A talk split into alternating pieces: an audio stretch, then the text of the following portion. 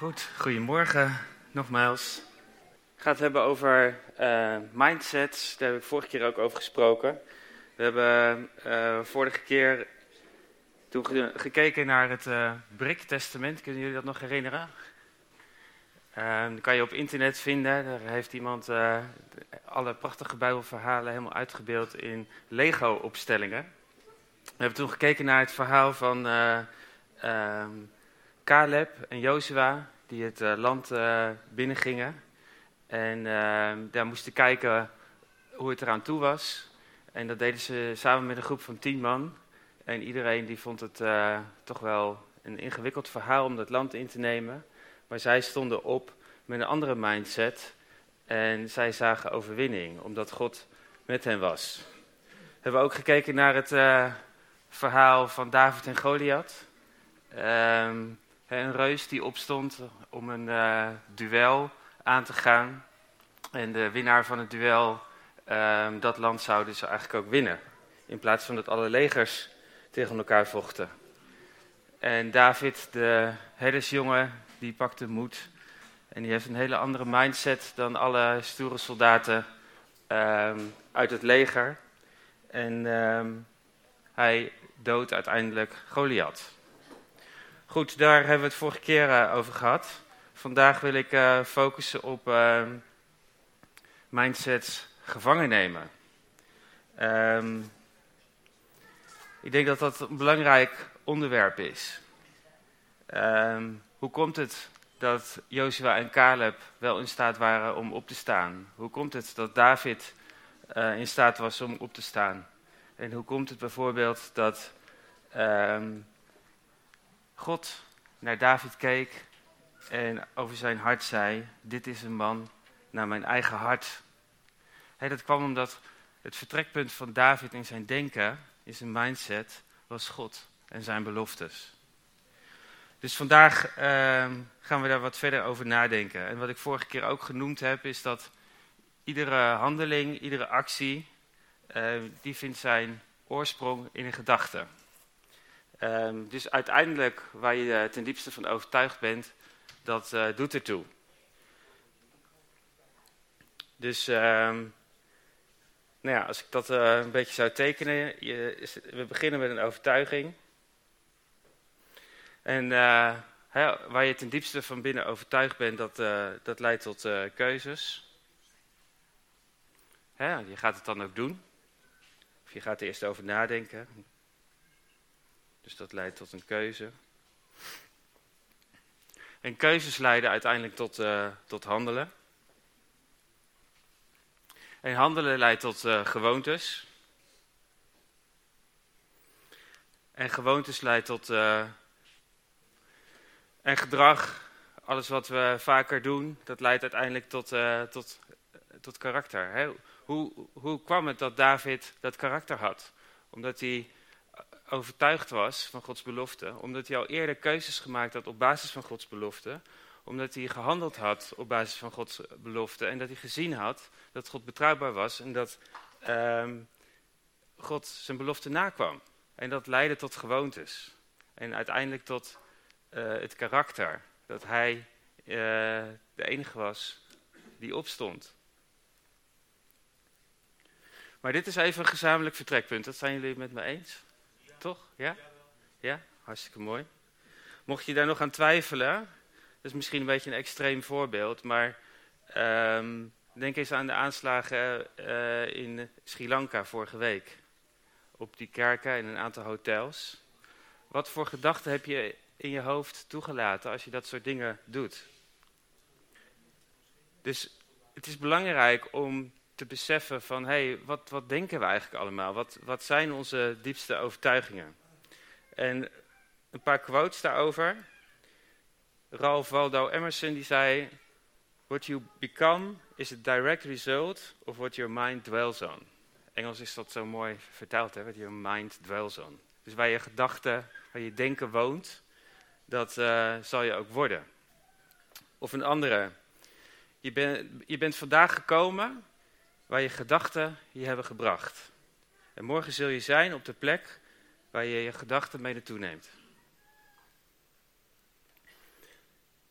En als dat waar is, dan ehm, is er dus ook iets wat belangrijk is dat we gedachten die niet gezond zijn, dat we die gevangen nemen voordat gedachten ons gevangen nemen. Want iedere handeling, iedere actie, die vindt zijn oorsprong in een gedachte. En Paulus die schrijft daar ook over in de brieven aan de Corinthiërs. Laten we dat eens lezen. 2 Korinthe 10 vanaf vers 3. We leven wel in deze wereld, maar vechten niet met de wapens van deze wereld. We halen de spitsvondigheden neer, we maken iedere gedachte krijgsgevangene om haar te onderwerpen aan Christus. Dus hij heeft het over hetzelfde idee. Dat niet alles wat we denken, moeten we zomaar laten gebeuren. Um, nou, dit is een voorbeeld van krijgsgevangenen. hier worden dingen, eh, mensen echt geïsoleerd. Nou, dat is eigenlijk ook wat, uh, wat Paulus bedoelt, wat je met bepaalde gedachten moet doen. Je moet je echt zorgen dat dat niet verder groeit. Je moet je uh, krijgsgevangen nemen. Dus Paulus neemt mindsets gevangen en onderwerpt die aan Christus. En in 1 Korinthe 1, vers 18 tot 25, dat wil ik eh, even met jullie lezen. Gaan we ook kijken hoe, hoe Paulus dat, uh, dat doet. De boodschap over het kruis is dwaasheid voor wie verloren gaan. Maar voor ons die worden gered, is het de kracht van God. Er staat namelijk geschreven: Ik zal de wijsheid van de wijze vernietigen, het verstand van de verstandigen zal ik te niet doen. Waar is de wijze? Waar is de schriftgeleerde? Waar is de redenaar van deze wereld? Heeft God de wijsheid van de wereld niet in dwaasheid veranderd? Want zoals God in zijn wijsheid bepaalde, heeft de wereld hem niet door haar wijsheid gekend. En hij heeft besloten hen die te geloven te redden door de dwaasheid van onze verkondiging. De Joden vragen om wonderen en de Grieken zoeken wijsheid, maar wij verkondigen de gekruisigde Christus. Voor Joden aanstootgevend, voor heidenen dwaas, maar voor wie geroepen zijn, zowel Joden als Grieken, is Christus Gods kracht en wijsheid. Want het dwaze van God is wijzer dan mensen en het zwakke van God is sterker dan mensen. Nou, je moet je voorstellen dat Paulus deze brief aan, de, aan een jonge gemeente schrijft in Corinthië. En uh, dat was een, een tijd waarin op verschillende manieren gedacht werd door verschillende groepen. En uh, je had een groep Joden die tot geloof waren gekomen. En daar leefden in die stad ook uh, Joden die niet tot geloof waren gekomen. En je had uh, Grieken en Romeinen. Nou, de mindset van de Joden die was sterk beïnvloed door ehm, de geschriften van Mozes. En ehm, eigenlijk ook hun eigen interpretatie van de beloftes en de profetieën over, over de Messias. er zou een Messias komen die het volk zou verlossen. En vanuit die mindset wilden zij wonderen en tekenen zien. Ehm, iemand die krachtig genoeg was om verlossing van de Romeinen tot stand te brengen. En hun geschiedenis had geleerd dat ehm, God hen uit het land Egypte had bevrijd. Precies, die, die hebben ze toen ook ontvangen. De Joden dachten vanuit een mindset dat God alleen geloofd zou kunnen worden als onomstotelijk zijn handtekening door een situatie zichtbaar zou worden. Ze waren dus eerder bevrijd door de Egyptenaren, dus zou bevrijding van de Romeinen ehm, ja, een logisch bewijs zijn dat God echt aan het werk was en dat Jezus ook de Messias zou zijn. dat, was, dat was de mindset waar Paulus tegen moest vechten uh, toen hij het evangelie op die plek kwam brengen.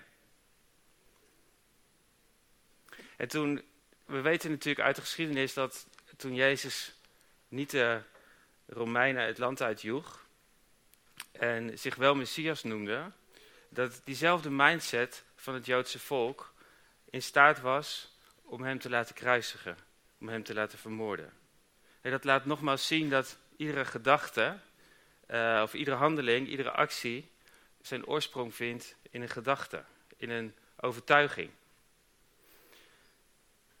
De Joden namen aanstoot aan de gedachte ehm, van het verhaal van de Messias, waar zwakte, verlies, falen en dood aan kleefden. Dat paste niet in hun mindset van een helder verhaal. En die gedachte hield hen dus gevangen om het evangelie echt te ontvangen in hun hart. Maar Paulus die, die neemt deze mindset gevangen ehm, en onderwerpt die aan Jezus. Dan de mindset van de heidenen, voornamelijk dus Romeinen en Grieken zoals ik al zei. Zij hadden niet de wijsheid van de geschriften, maar zij gebruikten eigenlijk uh, hun eigen vermogen om ehm, nou ja, ze streefden naar techniek, kennis, vergaarde wijsheid, uh, waren bezig met filosofie. Ze ontwikkelden macht en politiek, dreven handel en bouwden op die manier uh, aan de maatschappij. En in die cultuur was het belangrijk dat je, dat je gezien werd, dat je gerespecteerd werd en dat je ook wat voor elkaar kreeg. En dat respect dat wilden mensen graag hebben van uh, machthebbers en invloedrijke mensen. Het was ook een cultuur van debatteren en overtuigen over nieuwe ideeën. Uh, nieuwe filosofen stonden op, onder andere Aristoteles. De centrale gedachte achter die heidense filosofie was de wereld beter leren begrijpen. Daardoor meer controle over krijgen. Waardoor je dus meer succes en rijkdom uh, kon verwerven. En dat zou je dan meer aanzien en respect geven. Maar Paulus die zet daar tegenover de mindset van het evangelie. Wat begint met één centrale gedachte van wijsheid. Christus en die gekruisigd. En Christus is Gods kracht en wijsheid. En deze boodschap van het evangelie die gaat recht in tegen de geldende mindsets uit die tijd. En Paulus legt uit dat je geen aanspraak kan maken op verlossing en redding door eigen kracht of verdiensten. Ja, je sociale status, je rijkdom, je macht, ehm, afstamming, al dat soort dingen, dat haalt allemaal niet uit. Je kunt geen aanspraak maken op iets wat God in genade wil geven. Maar dat was wel de heersende mindset in die tijd. voor de Grieken was het een, een dwaas verhaal. Geen overtuigend helder verhaal waar je indruk mee kon maken. Een verhaal van zwakte, verlies, falen en dood. En dat, dat paste niet in hun mindset van succesvol zijn. Het paste niet in de mindset van het vergaren van rijkdom en het verkrijgen van macht. Het paste niet in de cultuur die het belangrijk vond hoe men naar jou keek. En die mindset die vormde ook een blokkade om het evangelie te omarmen. Die gedachten hielden hen als het ware gevangen. Het was een, een bolwerk in hun denken um, dat hen blind maakte voor de kracht en de nabijheid van een God die redt. En Paulus die neemt al die gedachten en die mindsets, neemt hij gevangen en onderwerpt hen aan Christus. En op die manier probeert hij de, de gemeente in Korinthe te helpen in een, in een tijd waar zoveel um, verschillende visies op hoe de wereld in elkaar zit gangbaar zijn. Redding is van God en je kan het alleen verkrijgen door geloof, pure genade en het nederig te ontvangen en te aanvaarden. Dus de conclusie is eigenlijk dat niemand zich ergens op kan beroemen. Nou, als je dat even in een, uh, in een tekeningetje zet, ik heb het van tevoren al even uh, gemaakt, maar je ziet dus eigenlijk dat het verlies, het falen, de zwakte, de dood van Jezus, dat, uh, dat de Joden dat als een struikelblok zagen en daardoor zeg maar, niet bij het kruis uit konden komen. En de, ja, precies. En de, de, de Grieken die vonden het een dwaas verhaal. En daardoor was het een blokkade, een muur om het evangelie, uh, Gods waarheid, van wijsheid en kracht van Jezus aan het kruis te ontvangen.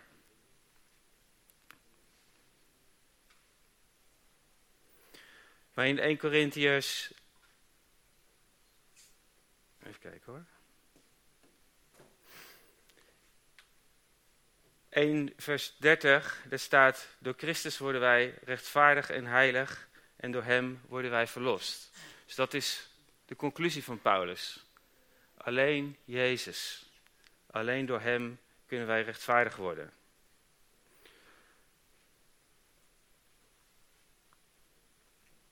Dus de, de mindset van het evangelie, die begint en die eindigt bij de betekenis van wat Jezus gedaan heeft aan het kruis. We hebben dat uh, herdacht um, op Goede Vrijdag en met Pasen. Dus rechtvaardiging, heiliging en verlossing, dat is wat Jezus voor ons heeft bewerkt. Maar daar stopt het niet, want in Hem en door Hem is het Koninkrijk gekomen. En in Hem en door Hem kunnen we ook de bovennatuurlijke realiteit van de hemel ontvangen. Jezus heeft dat ook toegankelijk gemaakt. En Jezus is gekomen om ons te verbinden met de Hemelse Vader. Jezus is gekomen om ons te verbinden met de overvloed en de rijkdom van de Vader. En als we deze dingen uh, vertalen naar onze eigen cultuur, wat is dan de mindset van onze tijd? En waar neemt onze tijd aanstoot aan bij het horen van het evangelie? En wat zijn de gedachten die wij gevangen mogen nemen voordat de gedachten van onze cultuur ons gevangen nemen?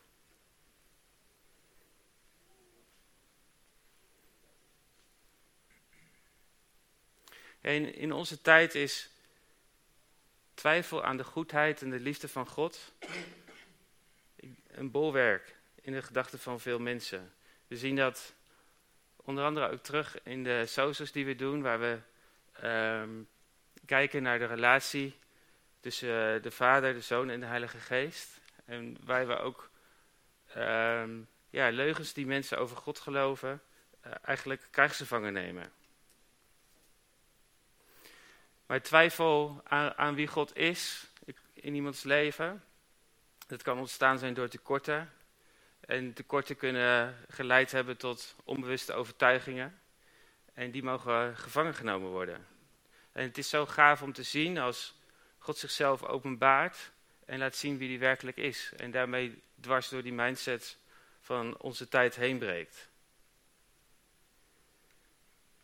De onwaarheden die we over hem zijn gaan geloven, die wordt dan vervangen door de waarheid over wie God is. En in ons uh, gezin, waar we opgegroeid zijn, daar hebben we eigenlijk onze eerste ervaringen met vaderschap en wat een vader is. En dat heeft ook een relatie met hoe we naar God de Vader kijken. Dus heb jij tekorten ervaren in je, in je jeugd, ehm, die eigenlijk op een bepaalde manier in de weg kunnen staan om God te zien zoals hij werkelijk is. Om God als een goede vader te zien. Um, dit was eigenlijk ook een beetje de reden van de, de mini-enquête. Ik weet niet of jullie dat door hadden. Maar uh, God, de Vader, die wil voor ons zijn als een beschermende Vader. Als een Vader die voorziet. Als een Vader die zegt wie je bent, die ons identiteit geeft. Dus die, die vragen gingen ook over die onderwerpen. En ik weet niet of iemand alle vragen met een 10 gescoord heeft gemiddeld uh, niet in ieder geval. Jullie zaten ongeveer bij 6, 7. Ik moet, uh, kan het nu niet even laten zien, want dan moet ik alles switchen. Maar dat, dat, is, dat is wel waar het over gaat. In, in ieder leven gebeuren er dingen die, uh, die God anders gezien zou, zou willen hebben. Er ontstaan tekorten daardoor. Dus welke onbewuste overtuiging heb jij geleerd in jouw familiesysteem waar je bent opgegroeid? En zijn er, zijn er daardoor dingen in het evangelie waar jij aanstoot aan neemt? Of dingen die je misschien wel dwaas vindt? Wat gebeurt er als jij bijvoorbeeld teksten in de Bijbel leest uh, waar staat dat God uh, goed is? Bijvoorbeeld een tekst uh, waar Jezus noemt is er iemand onder jullie die een kind, als het vraagt om een brood, een steen zou geven? Of een, als het om een slang vraagt, om, of een slang als het om een vis vraagt? Als jullie dus, ook al zijn jullie slecht, je kinderen al goede gaven schenken, hoeveel te meer zal jullie vader in de hemel dan het goede geven aan wie hem daarom vragen? En wat is jouw onbewuste overtuiging als je dat leest? Zo van ja, ik heb wel brood heb ik wel gehad. Maar alles wat ik voor de rest wilde, mijn dromen, dat, dat kon niet, dat mocht niet. Er was geen uh, ruimte voor. Als, als dat zo werkt, dan is dat een signaal eigenlijk voor een onbewuste mindset die je gevangen mag nemen. Want God is goed en hij houdt van je. Dus met welke mindsets ben jij opgegroeid? En wat blokkeert jou om het evangelie van een goede en liefdevolle vader die redt en jou wil omarmen, om dat aan te nemen? Welke gedachten houden jou gevangen? En geloof jij dat God voorziet in alles wat je nodig hebt?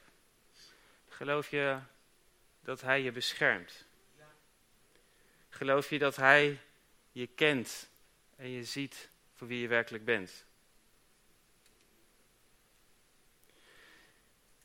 Je mag jouw gedachten gevangen nemen voordat ze jou gevangen nemen. En beperken om te zien wie God werkelijk is. En Paulus legt uit in, de, in deze brief aan de Corinthiërs dat we de Heilige Geest nodig hebben. Om de diepte van Gods hart te kunnen pakken.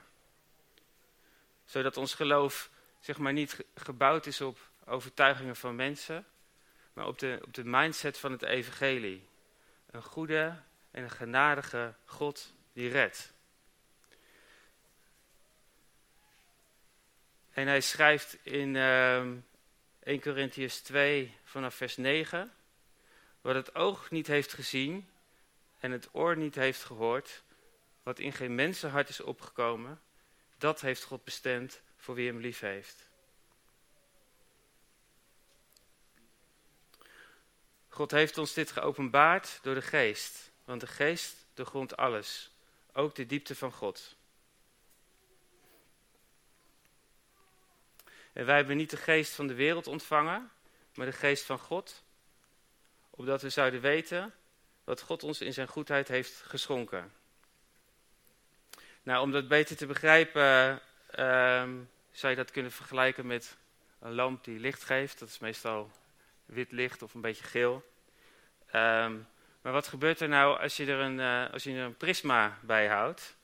Dan verandert het licht in een prachtige waaier van alle kleuren en een mooie schakering. Um, de Heilige Geest wil als het ware zijn als zo'n prisma wat het licht laat uitwaaieren, waardoor je de veelkleurige wijsheid van God kan zien. Maar kun je je voorstellen dat de Heilige Geest in jouw leven dat ook wil doen? Dat hij de veelkleurige wijsheid en de diepte van Gods hart, de diepte van Gods goedheid ontsluit en toepast in jouw leven? En zonder de Heilige Geest kunnen we wel licht zien, maar we kunnen het niet volledig begrijpen en niet volledig doorgronden. Even kijken, deze had ik al gehad.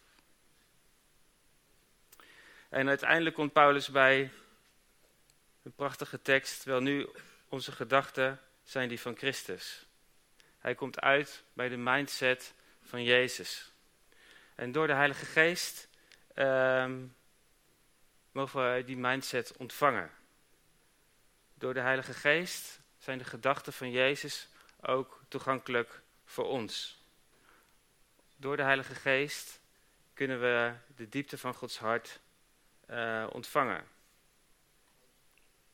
We kunnen dus gaan denken met de gedachten van Jezus als vertrekpunt. Wat zou dat betekenen voor onze keuzes? Wat zou dat betekenen voor uh, ons handelen? Wat zou dat betekenen voor de gewoontes die eruit ontstaan? Het gedrag en het karakter? Wat zou er veranderen in jouw leven als je steeds opnieuw leert om het denken van Jezus als vertrekpunt te nemen? Welke eh, overtuigingen zouden er gaan veranderen? Welke keuzes zou je anders gaan maken? En welk gedrag zal daar uiteindelijk anders worden? je moet jouw gedachten gevangen nemen voordat ze jou gevangen nemen. En een van de manieren om dat te doen is te beginnen met het denken van Jezus. En hoe zou, hoe zou onze kerk eruit zien als we dat allemaal tegelijkertijd zouden doen? Hoe gaaf zou dat zijn? Of wat zou dat betekenen voor je, voor je huwelijk als je begint met het denken van Jezus over jouw relatie? Laatst op de SOZO-conferentie hebben Rosemarie en ik samen een SOZO voor koppels gedaan. Dat was nieuw en dat wilden we graag proberen. Maar daarin hebben we nieuwe waarheid ontvangen voor ons huwelijk. En dat is, dat is echt super gaaf. Dingen waar je zelf niet aan denkt, wat niet in je eigen hart is opgekomen, wil God uitspreken over wie wij zijn als stel. En er zaten dingen bij die nieuw waren, die, die gaan over uh, waar God ons mee naartoe wil nemen. Maar er zaten ook dingen bij die ingewikkeld zijn en die, die we in mochten leveren. Um, dingen die we krijgsgevangen mochten maken. Waardoor onze relatie uh, daarvan kan profiteren. Maar wat zou er veranderen in jouw relatie met God? Um, als het denken van Jezus diep in jouw overtuigingen doordringt. Welke spitsvondigheden, welke gedachten, welke bolwerken, welke mindsets zijn er in jouw leven aan vervanging toe? Jezus zegt, ik, ik ben de deur en niemand komt tot de Vader dan door mij. En vaak voelen we ons comfortabel bij Jezus. Jezus redt. Jezus is een vriend. Jezus wandelt met je mee. En, um, maar Jezus leidt ons naar de Vader. En ik denk dat in een cultuur waarin we nu leven, waar vaderschap best onder druk staat, um, het soms ingewikkeld kan zijn voor ons om daadwerkelijk ook die stap naar de Vader te maken. En dat dat een van de mindsets is in onze cultuur waar we um, mee af mogen rekenen. Dus wat zijn de dingen in jouw leven die je uh, hinderen om te naderen tot de Vader? En waarom vragen we het hem niet zelf? Heer, wat heeft u voor mij? Wat heeft u voor mij bestemd? En nogmaals, wat het oog niet heeft gezien en het oor niet heeft gehoord, wat in geen mensenhart is opgekomen, dat heeft u bestemd voor wie hem lief heeft. Amen. Zullen we gaan staan? Vader, dank u wel voor wie u bent. Dank u wel voor uw genade. Dank u wel voor uw enorme liefde. Dank u wel dat u uw zoon heeft gegeven aan het kruis voor ons. Dank u wel dat het kruis de kracht en de wijsheid van God is. En Heer, help ons om dat, de kracht van uw kruis toe te passen op elk gebied van ons leven. Vader, wilt u komen met uw Heilige Geest? En wilt u uw wijsheid, de diepte van de, het hart van de Vader, ja, ontsluiten voor ons? En in Jezus' naam verbreek ik de, mindsets van deze tijd.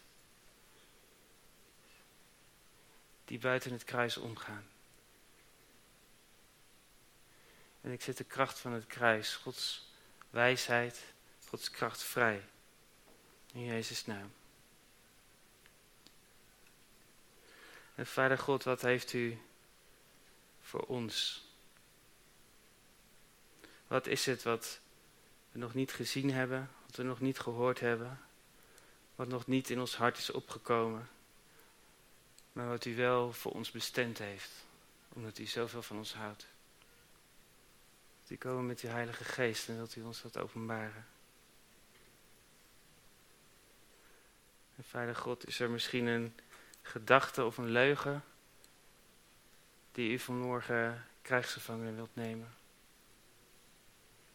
Wilt u ons dat laten zien? En Vader God, wilt u ons laten zien waar we die leugen geleerd hebben. Als je daar een beeld bij hebt, is het misschien ook goed om te vragen aan God: is er iemand die ik mag vergeven? Als je daar een naam ontvangt, vergeef die persoon dan. Het kan je eigen vader zijn. En verbreek vervolgens die leugen over, over God zelf. Ik verbreek de leugen over u dat u niet voor mij zou willen voorzien. Dat u mij niet beschermt. Dat u mij niet ziet voor wie ik werkelijk ben.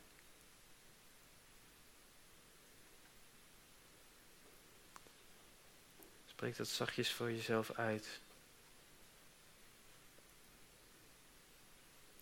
Als je dat gedaan hebt, vraag dan aan God: wat is de nieuwe gedachte die deze leugen mag vervangen? Wat is uw waarheid voor mij? Wat heeft u voor mij bestemd? Dank God voor wat je ontvangt. Vader, dank u wel voor wat u voor mij bestemd heeft. Dank u wel dat het ver boven mijn denken uitgaat. Dat het veel groter is dan wat ik ooit zal beseffen. Heer, ik kies ervoor om het te ontvangen. Wat u voor mij bestemd heeft. Ik kies ervoor om in uw nabijheid te zijn, om bij u te wonen. En als ik zo bij u ben, Heer, zijn er nog andere dingen die u tegen mij wilt zeggen. Heer, spreek, Heer.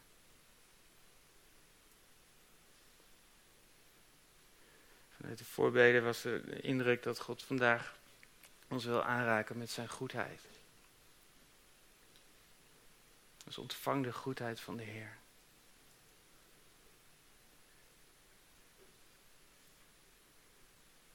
Ik spreek zijn goedheid over jullie uit. Zijn goedheid jou mag ontmoeten. Nu vandaag op dit moment, maar ook ieder moment van de week, waar je ook bent. Mag zijn goedheid jou ontmoeten. In Jezus' naam. Amen.